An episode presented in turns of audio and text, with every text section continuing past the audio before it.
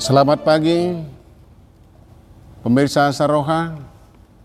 Sebelum kita mendengarkan firman Tuhan, terlebih dahulu kita berdoa.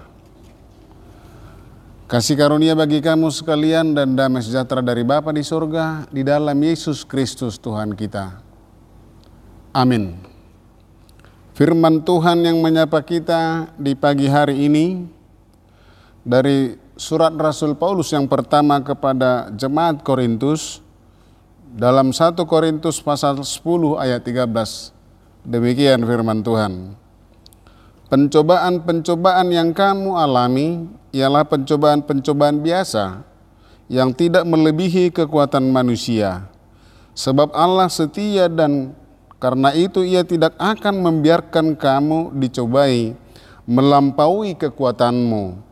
Pada waktu kamu dicobai, ia akan memberikan kepadamu jalan keluar sehingga kamu dapat menanggungnya. Demikian firman Tuhan. Pemirsa Saroha, apa dan bagaimana itu pencobaan? Sebab perlu itu kita ketahui apa dan bagaimana pencobaan itu. Katakanlah ketika kita, ketika Anda mengalami sakit penyakit, ketika Anda mengalami kegagalan, baik dalam hal kegagalan usaha, baik kegagalan dalam cita-cita misalnya. Baik misalnya ketika Anda eh, mengalami kemiskinan, dan lain sebagainya. Apakah itu uh, pencobaan? Mari kita selidiki. Sebab ada dua faktor penyebabnya. Penyebab dari pencobaan-pencobaan yang kita alami.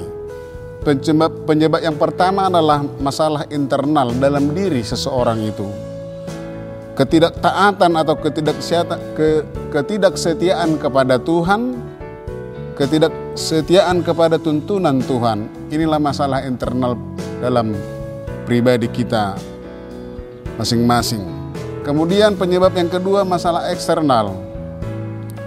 Kita sudah melakukan hal yang baik sesuai dengan tuntunan Tuhan. Kita sudah melaksanakan firman Tuhan, tetapi selalu ada, ada tantangan, ada selalu penghalang-penghalang. Uh, karena selalu si iblis uh, menggoda dan selalu si iblis menguji uh, iman kita. Sebenarnya untuk hal yang pertama, untuk masalah internal pertama karena itu faktor dari diri kita, perlu jawabannya hanya satu atau solusinya hanya satu adalah perlu pertobatan.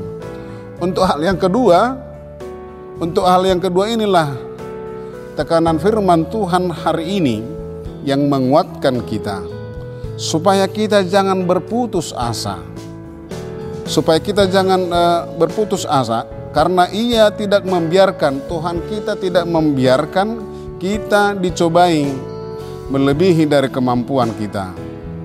Lihat misalnya, ia tidak akan membiarkan kamu dicobai melampaui kekuatanmu, melampaui kekuatan kita.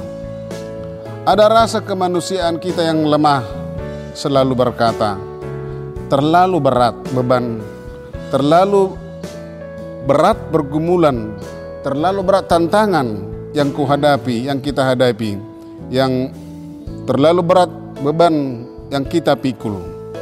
Padahal tadi firman Tuhan menegaskan tidak melampaui kekuatanmu, tidak melampaui kekuatan kita.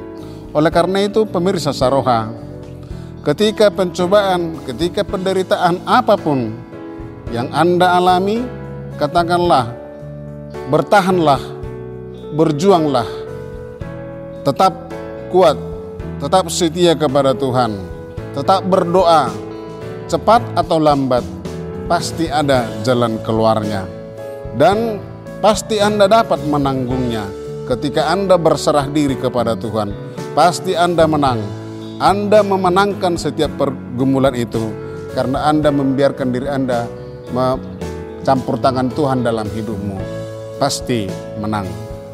Amin. Tuhan Yesus memberkati.